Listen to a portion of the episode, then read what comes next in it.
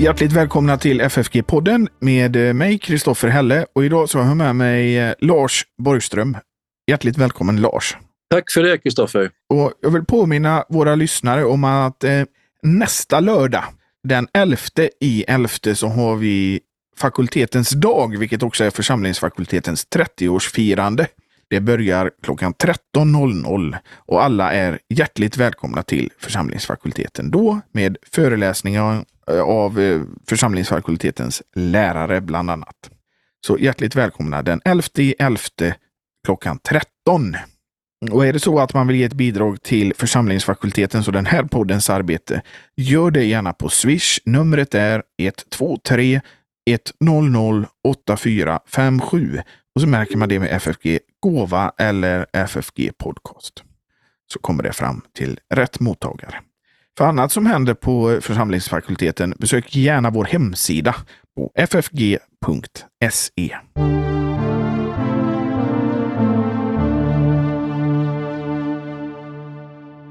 Hjärtligt välkommen tillbaka till FFG-podden, Lars.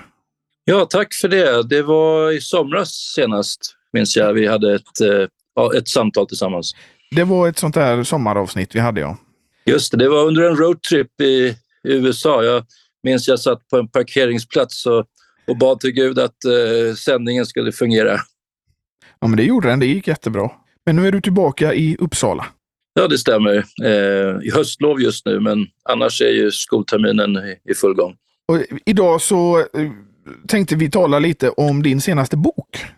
Ja, apropå skola ja, för mm. det är en lärobok om eh, Bibeln som jag har skrivit eh, för att eh, undervisa i på det kristna gymnasiet Johan Movinger där jag arbetar till vardags som ligger i Solna utanför Stockholm. Och för ett tag sedan så gjorde jag ett avsnitt med Per Evert från Klapphamninstitutet om deras rapport om just det här hur kristendomen beskrivs i skolmaterial. Och det var ju skrämmande läsning kan man ju säga. Hur det var många totala fel och, och totala misstolkningar som inte ens var välvilliga. Nej, jag, jag, läste den där rapporten också och jag hörde ert eh, poddsamtal också. Ja, det är verkligen bedrövligt att det är på det sättet. Så bland annat därför så tänkte jag få sätta mig ner och skriva min egna lärobok. Kunskapen om kristendomen i samhället i stort idag är ju mycket lägre än vad den bara var för, för 10-20 år sedan. Visst är det så. Det, det går eh, kusligt eh, snabbt utför. För de mest grundläggande sakerna i kristendomen känner folk inte till idag. Och man är heller inte påverkad av kristendomen på det sättet som man var förr. Nej, och nu lever vi ju i en uh, multireligiös uh, land. Tycker ofta att det är Ramadan och, och muslimska högtider som uppmärksammas i tidningar. Har du tänkt på det, Kristoffer, att de ger instruktioner för hur muslimer firar och vad innebörden är av de muslimska högtiderna eh, mer, tycker jag, än vad man gör när det är jul eller påsk. Särskilt påsk skulle jag säga. Det har man väldigt lite förståelse för hur stort det är för oss kristna att fira påsk. En del politiker, de till och med hälsar våra muslimska eh, vänner när det är muslimska högtider medan eh, de inte eh, särskilt uppmärksammar de kristna högtiderna. Men också med, med de kristna högtiderna, särskilt jul, så har ju det sekulariserats till istället för att fira Jesu födelse så firar vi tomten. Ja, och Kalle Anka ja, får, får vara i centrum. Ja. ja.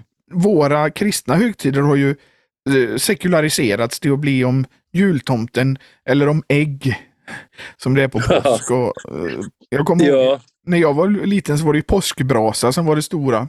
Jo, men för, för eh, ta upp min bok här så här direkt så har jag faktiskt ett helt kapitel eh, som handlar om kyrkans högtider och deras bibliska förankring där jag går igenom just eh, bakgrunden till, eh, till julen, påsken, pingst, Kristi himmelsfärd och ja, alla de stora högtiderna och eh, lyfter också fram eh, en psalm eh, från varje så att de, eleverna också ska bli eh, bekanta med, eh, med eh, kyrkans tradition på det sättet. För många elever så är kanske kyrkan det enda är den lokalen där man har skolavslutning i?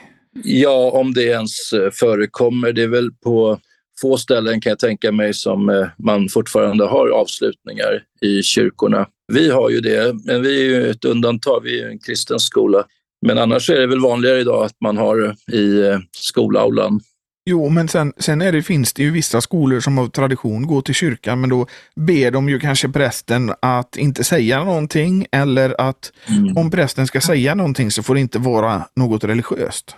Ja, det, det är intressant det där. Jag, jag, har ju vuxna barn och eh, jag, jag minns, eh, det var precis, jag såg övergången på nära håll för att när de, den, min, min äldste son som är född 1997, när han gick i lågstadiet, då var de i Missionskyrkan och eh, då var missionspastorn där och talade till eleverna. Sen några år senare så, så var de fortfarande kvar i Missionskyrkan för avslutningen, men då var pastorn eh, eh, inte välkommen att eh, närvara, utan då var det rektorn som höll talet och, och eh, var någon slags eh, konferencier där i Missionskyrkan. Och så ytterligare några år senare så, så var de inte ens i lokalen utan då hade man flyttat till skolans aula istället.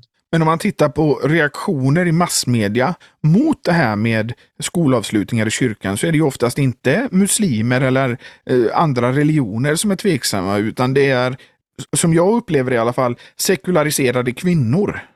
Jaha, ja, det har jag inte tänkt på. Men, men, men det, det, andra du säger, det, det har, jag, har, jag, noterat att det är ofta eh, sekulariserade svenskar eller eh, eh ibland till och med hårdföra ateister som är med i, eh, Humanistiska förbundet.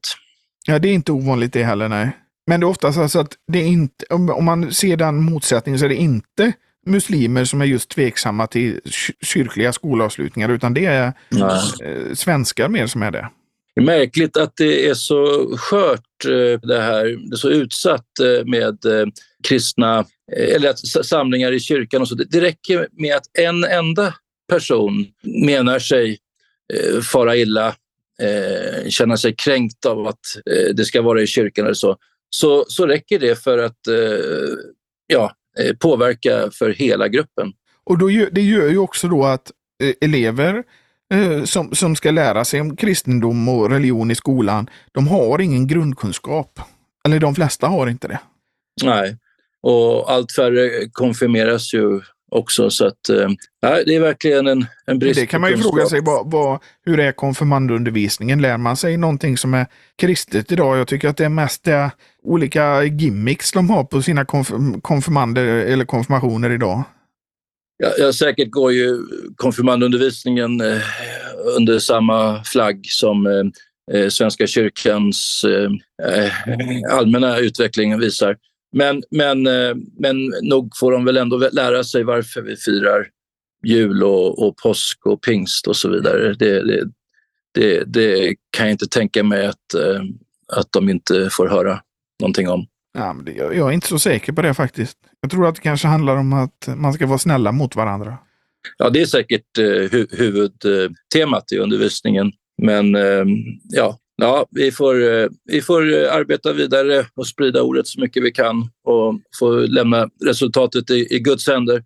Hoppas att eh, så många som möjligt ändå i vårt land får upp ögonen för vad kyrkans sanna skatt är, nämligen evangeliet om Jesus Kristus.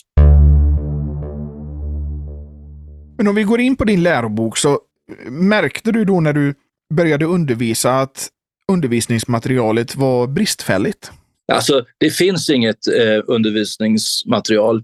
Eh, kristendomsämnet har ju försvunnit eh, ifrån eh, svenska skolorna för ett halvt sekel sedan och, och ersatts med eh, religionskunskap.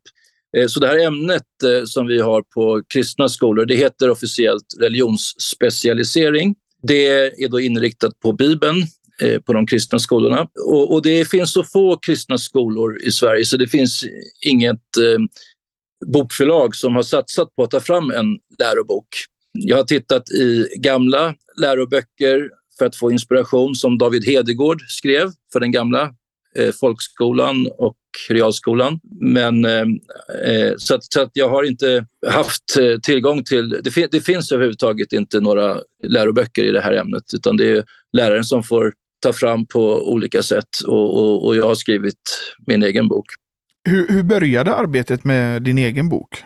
Ja, jag kom ju eh, till Johan Movingers gymnasium för eh, drygt åtta år sedan och eh, skulle undervisa i det här ämnet. Då. Så jag fick improvisera. Jag, fick, jag började skriva små stencilerade häften i, om, om olika viktiga saker som blev kapitel och, och, och växte fram till, till slut då, eh, i år så blev det en bok av det hela. Så att det har vuxit fram undan för undan under de här drygt åtta åren som jag har haft den här kursen. För jag har ju hört i våra samtal som vi har haft att du har varit på gång med den här boken under en längre period.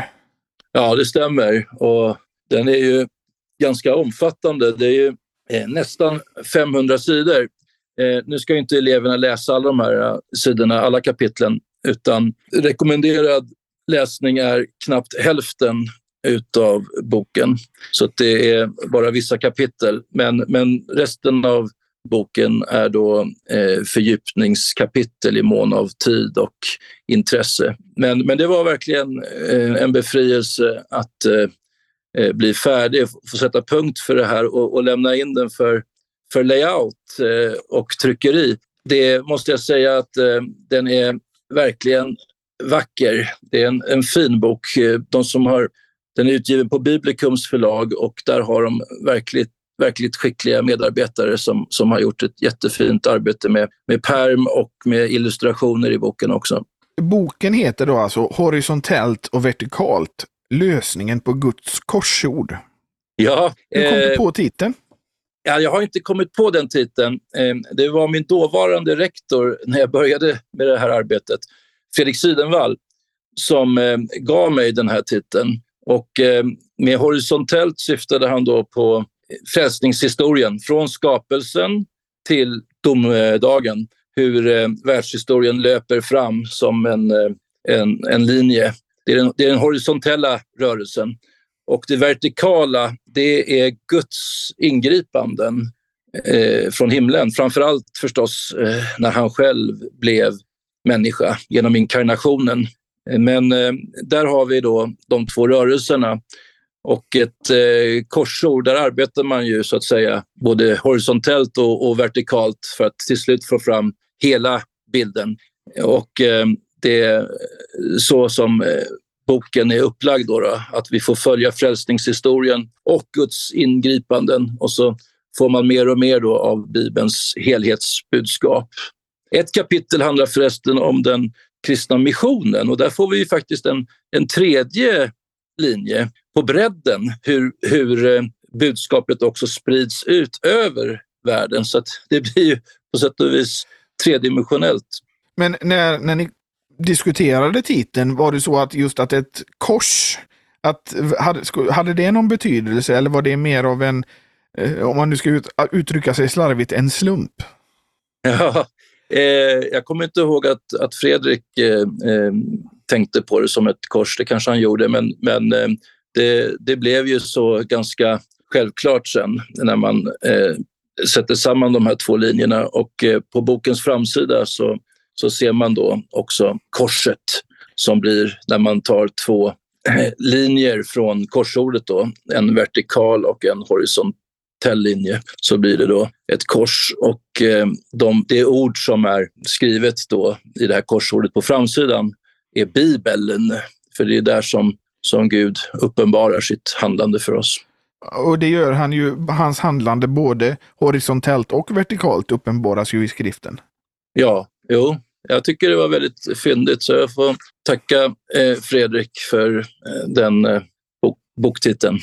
Nej, men när du arbetade med boken och arbetade med dina stenciler som du berättade om, var det någonting som du blev förundrad över som du tänkte att ja, men det här har jag inte tänkt på eller mm, så? För att när jag läser den här boken så mm. är det mm. mycket som jag tänker på. Oj, det har inte jag tänkt på. Det visste, det visste inte jag, tänker jag. Ja, okay. och, jag och jag diskuterar även med andra, till exempel präster och så, som också blev förvånade. Så att det är väldigt matnyttigt. Det är väldigt mycket information som man kanske inte hade riktigt koll på. Ja, det var roligt att höra. Det var verkligen glädjande att få det omdömet.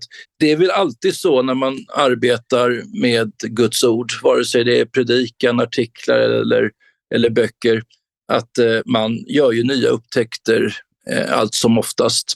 Eh, det är ju så oändligt rikt, eh, gudsordet. Så eh, jag kan inte peka på någonting eh, direkt så här som jag minns eh, på rak arm. Men, men eh, eh, det är ju så förundligt med, med Guds ord att, att det berikar hela tiden. Eh, det är så givande. Jag brukar säga ibland att som präst så har jag världens bästa arbete. Att få arbeta med Guds ord på betald arbetstid. Det bevarar en, en själv i, i tron också samtidigt. Stötte du på några motgångar eller så i ditt arbete? Något ämne som du tyckte var svårt att behandla?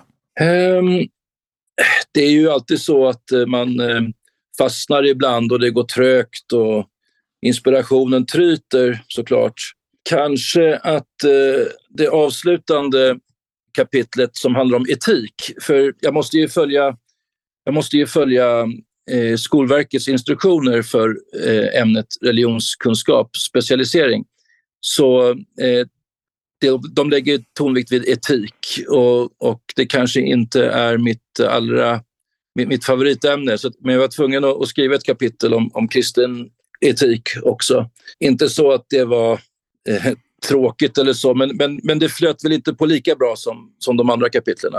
Men du, man kan ju säga att boken är ju då en framställning, alltså det, det är en vandring i Bibeln helt enkelt. Ja, den är ju eh, delad i två huvuddelar.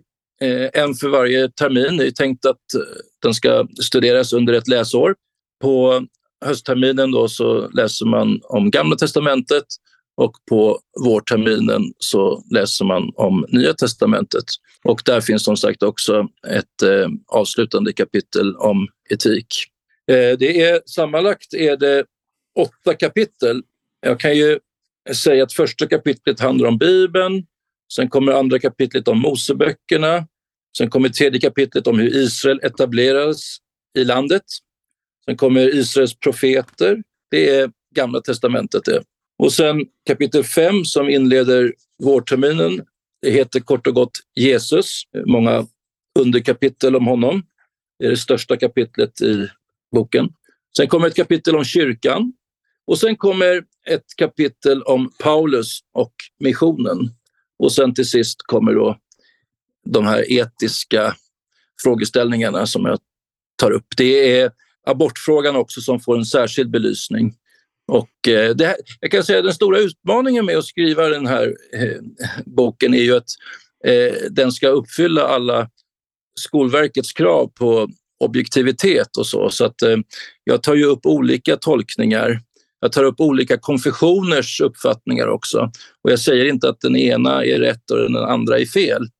Eh, och det gäller även den avslutande abortfrågan. Utan jag redovisar då hur man kan argumentera mot abort. Jag redovisar eh, hur abortförespråkarna eh, resonerar och jag redovisar för en slags mellanposition också. Så det har varit eh, annorlunda eh, att skriva den här boken jämfört med de andra böckerna jag har skrivit. Att, att eh, här måste jag verkligen hela tiden tänka till och, och skriva att eh, enligt Bibeln så, och så kommer jag med något påstående. Eller eh, att eh, eh, kristna tror att, jag kan inte skriva att eh, det här är sanningen eller eh, så här ska man tro för att få evigt liv eller så. Men gällande mm, abortfrågan så är det ju faktiskt så att Sverige har ju någon form av mellanposition egentligen. Ja, jo, det är den, den eh, positionen som jag kallar för någon slags mellanposition här. Ja. Att eh, vi får inte enligt eh, svensk lag avliva de eh, barn som hunnit bli ja, 18 veckor i den fria abortens gräns. Men, men sen är det ju 23 veckor då som man kan få särskilt tillstånd. Men sen är det förbjudet eh, efter den 23 veckan att, att avliva ett barn. Så att, eh, men det finns ju eh, de delstater i USA där det är tillåtet att, eh, med, med, abort ända fram till födelsedagen. Alltså ett, ett nio månaders gammalt eh, foster eh, får man döda. Medan andra delstater i USA så är det helt förbjudet med abort.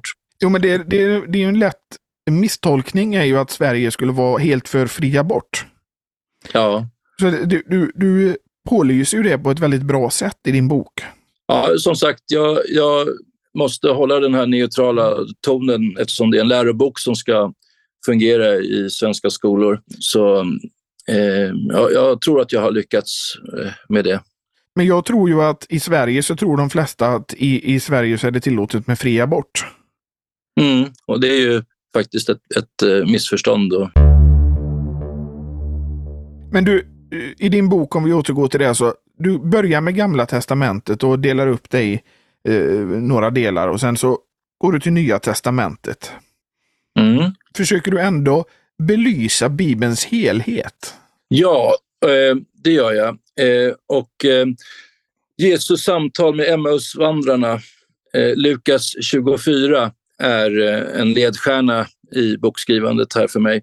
Eh, redan i Gamla testamentets del av min lärobok så tar jag upp profetiorna, jag tar upp eh, Eh, de typologiska förebilderna som pekar fram mot Jesus. Så precis som Jesus sa till de här lärjungarna på väg till Emmaus att han själv är innehållet även i Gamla testamentet, i lagen, profeterna och skrifterna, så, så vill jag visa på det också i, i den här boken. Och eh, då kanske någon tänker, ja men då är du väl inte objektiv. Eh, du har ju anlagt en kristen tolkning på Gamla testamentet. Men jag, jag visar på olika slags tolkningar, som sagt. Så att jag, jag tar upp den historisk kritiska tolkningen, jag tar upp den historisk grammatiska mm, tolkningsmodellen och jag tar upp den typologiska tolkningsmodellen, alltså där man ser förebilder i Gamla testamentet som pekar framåt emot Kristus. Jag tar även upp feministisk bibeltolkning. Så jag, jag, jag redovisar en rad olika tolkningsmetoder. Så där, därför så kan jag liksom, när jag redogör för den typologiska tolkningsmodellen under täckmantel så att säga, föra fram mina egna eh, uppfattningar där. Men, men kalla det då för en viss typ av tolkning. Då det här det är väldigt tydligt för den som vill vara kristen att det är den typologiska tolkningen, att det pekar framåt. Löftet till exempel i första Mosebok 3.15 om, eh, om frälsaren som ska komma och sånt här. Det, det är ju väldigt, väldigt tydligt. Ja, och det är ju, det är ju eh, Nya testamentets eget sätt att eh, eh hänvisa till Gamla testamentet. Eh, en vanlig misstolkning är ju att man isolerar Gamla Testamentet som ett och Nya som, som ett. Eh, det kan finnas en agenda bakom det, men det kanske också är så att det är ehm, sättet som människans hjärna fungerar. Att föra samman menar du? Ja, nej, att, att kategorisera. Det gamla är det. Till exempel en vanlig misstolkning är att det gamla testamentet är lag ja. och nya testamentet är evangelium. Ja, ja, ja Men, just det. Eller en annan miss, missuppfattning är att, att gamla testamentet det är jud, judendomens heliga skrift och eh, att Nya testamentet är eh, kristendomens heliga skrift och att eh, eh, när kristendomen ändå använder sig av Gamla testamentet också så, så är det lika som judendomen. Men det är ju helt olika uppfattningar och läsningar, tolkningar av Gamla testamentet. Så även om det, orden är de samma så, så är, det, är det helt olika förståelser av Gamla testamentet om man läser som kristen eller som jude. Men du har till exempel utelämnat eh, apokryferna? Ja, jag nämner dem bara att de finns, eh, men jag har inte gått in på det. Nej, det stämmer. Det knyter ihop det gamla och det nya? Ja, det är den, den intertestamentala eh, litteraturen, det, den, den, även den skänker ju förståelse för vissa händelser i Nya testamentet. Men, men eh, det kan ändå inte jämföras i vikt med Gamla testamentet. Och, och när jag här får ändå skriva för gymnasieelever och bibelskoleelever skulle jag vilja tillägga. Jag tror att den här boken fungerar bra också som kurslitteratur på bibelskolor. Men, men då kan jag inte ta upp allting, jag får göra en viss begränsning. Ja, det, det var det som jag tänkte komma till att boken är ju väldigt informationsrik. Alltså det är väldigt, väldigt mycket information som skulle kunna duga även på eh, akademisk nivå skulle jag säga också. Kanske inte riktigt. Eh, jag, jag tror, jag tror att det är eh, för, för, för, för, gymnasienivå så är den väldigt omfattande som vi har sagt här men, men det är ju eh, inte meningen att, att, att gymnasieelever under ett år ska läsa hela boken utan bara knappt halva. Men, men eh, om man läser på en bibelskola under ett år, eh, då tror jag att eh, det är rätt nivå. Eh, då, då har man satt nivån här på boken. För jag, jag skulle vilja säga att den kunskapen som förmedlas via boken är på en väldigt hög nivå som de flesta kristna inte känner till skulle jag säga. Särskilt fördjupningsdelarna eller vad man ska kalla dem. Då. Mm. Om, om det är på det sättet så, så hoppas jag i så fall ändå att eh, det är framställt på ett enkelt sätt och inte svårt att förstå. Eh, Nej, du det, som har läst boken... Det, det håller jag helt med om. Uh, att, att, det, att det är framställt på ett enkelt sätt, men informationen är väldigt ja. djupgående. Ja, men det, det, det tar jag i så fall också som ett gott betyg. Det är ju roligt om man kan undervisa också om, om eh, sånt som är nytt även för ganska erfarna bibelläsare, men, men, men på ett enkelt sätt. Att det inte krävs några eh, expertkunskaper eller, eller att man behöver kunna hebreiska eller grekiska för att kunna förstå innehållet i läroboken. Men eh, skulle du säga att boken även skulle kunna fungera som konfirmandlitteratur?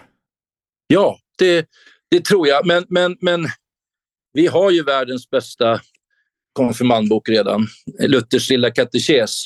Så eh, den är ju mästerlig och, och där får man ju eh, strukturen på den kristna tron med lagen och evangeliet och sakramenten och så vidare, Herrens bön. Eh, det tycker jag inte man ska ersätta med någonting annat. Men, men, men kanske som vid sidan avläsning för konfirmander, det, det kan jag tänka mig. För jag tror att det är en väldigt, ett, för den som till exempel under konfirmationstiden blir omvänd. Mm. Då tror jag att det är ett väldigt bra sätt att lära känna eh, Bibeln. Ja, ja det, det, det vore jag väldigt glad om, om boken kunde komma till användning för, för sådana ungdomar. För att det, det är ju som sagt att det är framställt på, på ett sätt så att folk förstår. Men det är också djupt, tycker jag. Som har läst ja, det gläder, gläder mig att, att höra. Det, det, det är sådan eh, Eh, predikan och undervisning som jag själv värdesätter eh, mest. När, när det är enkelt förklarat eh, men ändå innehåller ett djup. Jag tycker det är också skillnad på mycket utav den nyare, moderna teologin som man läser och den äldre. Om man läser Martin Luther och, och, och, andra gamla lärare, det är ju aldrig något svårt att förstå vad de menar. Det är väldigt klart och enkelt. Tycker inte du det också, Kristoffer? Jo, det tycker jag. Tycker jag. Men, men, men en hel del av den moderna teologin så har man har i alla fall jag ofta problem att förstå vad de egentligen är ute efter och slänger sig med en massa eh, märkliga termer och väldigt abstrakt ibland och filosofiskt så att man inte riktigt eh, är, är med i svängarna. Men det har jag aldrig upplevt när man läser, när man läser de, eh, de gamla lärarna. Nej, det, jag håller med dig i det att, att eh, eh oftast så kan det komma till en så hög nivå på språkligt och, och, och så att folk inte förstår. Mm. Ja, och det, det, är nästan som att man undrar ifall det är de tycker att det är ett egenvärde i det, att, att kunna uttrycka sig så abstrakt som möjligt. Ja. Eh, och det tror jag kanske också är att inte möta de här verkligheterna som finns mm, i eh, skriften på ett sätt. Ja, just det. Ja, det, det, kan det vara. Det kan vara en flykt bort från eh, att riktigt gå i, i närkamp med själva bibelordet. Ja. Så det tror jag säkert att det kan finnas. För att det, den utvecklingen som du talar om, den, man börjar ju se den redan på 1800-talet. Mm. Och, och, Luther han framhåller just att den helige ande, han, han uttrycker sig väldigt enkelt och klart och, och lätt att förstå. Är så vi också borde uttrycka oss. Alltså, nu... Med tanke på bibelordet som, som är inspirerat av den helige Ande. Om man nu vill köpa din bok? Ja, eh, då kan man antingen höra av sig till förlaget då, Biblicum eller så kan man eh, höra av sig till mig personligen också. Och det, Eh, dina kontaktuppgifter finns på eh, Lutherska församlingen hemsida. Ja, jag är ju präst i, i Lutherska församlingen så genom den hemsidan som vi har så kan man nå mig. Jag, många har ju Facebook också, så där är, är jag lätt att hitta. Om man är intresserad av att eh, köpa boken så, så finns den där. Ja, det kostar 275 kronor. Den är verkligen, eh, man får säga det själv, så det är inte min förtjänst, men den är verkligen vacker och den är, innehåller bilder och eh, en fin pärm. Eh, och den är som sagt nästan 500 sidor. Men om man eh, är, är en bibelskola eller en, eh, ett kristet gymnasium eller något liknande som vill köpa in en klassuppsättning av boken, då får man köpa den för 125 kronor per exemplar bara. Ja, det var ju bra. Det vilket erbjudande. Men det, det Mm. finns ju också en bra uppslagsdel i boken så man, man kan köpa den för sitt eget bruk för att slå i både i bibelverser och, och personregister och sånt där. Ja, det är ytterligare en sån där finess som eh, de här som har gett ut boken har ordnat med ett eh, förnämligt eh, uppslagsregister längst bak i boken. Och det är också en, en bra liksom pedagogiskt verktyg. Mm, mm. Mm. Sen, sen eftersom boken heter Horisontellt och vertikalt, lösningen på Guds korsord, så finns det ett appendix också längst bak i boken, ett eh, bibelkorsord. Det tycker mina elever är spännande att, eh, att eh, försöka lösa. Så det, det, det gör vi på lektionerna. Vi tar någon fråga per lektion och klurar på den och fyller i korsordet. Så det är faktiskt en, eh, ett, ett, ett bra sätt att, att öka på sin bibelkunskap. Så på, antingen på eh, höra av sig till Lars eller till Biblikum så kan man köpa boken.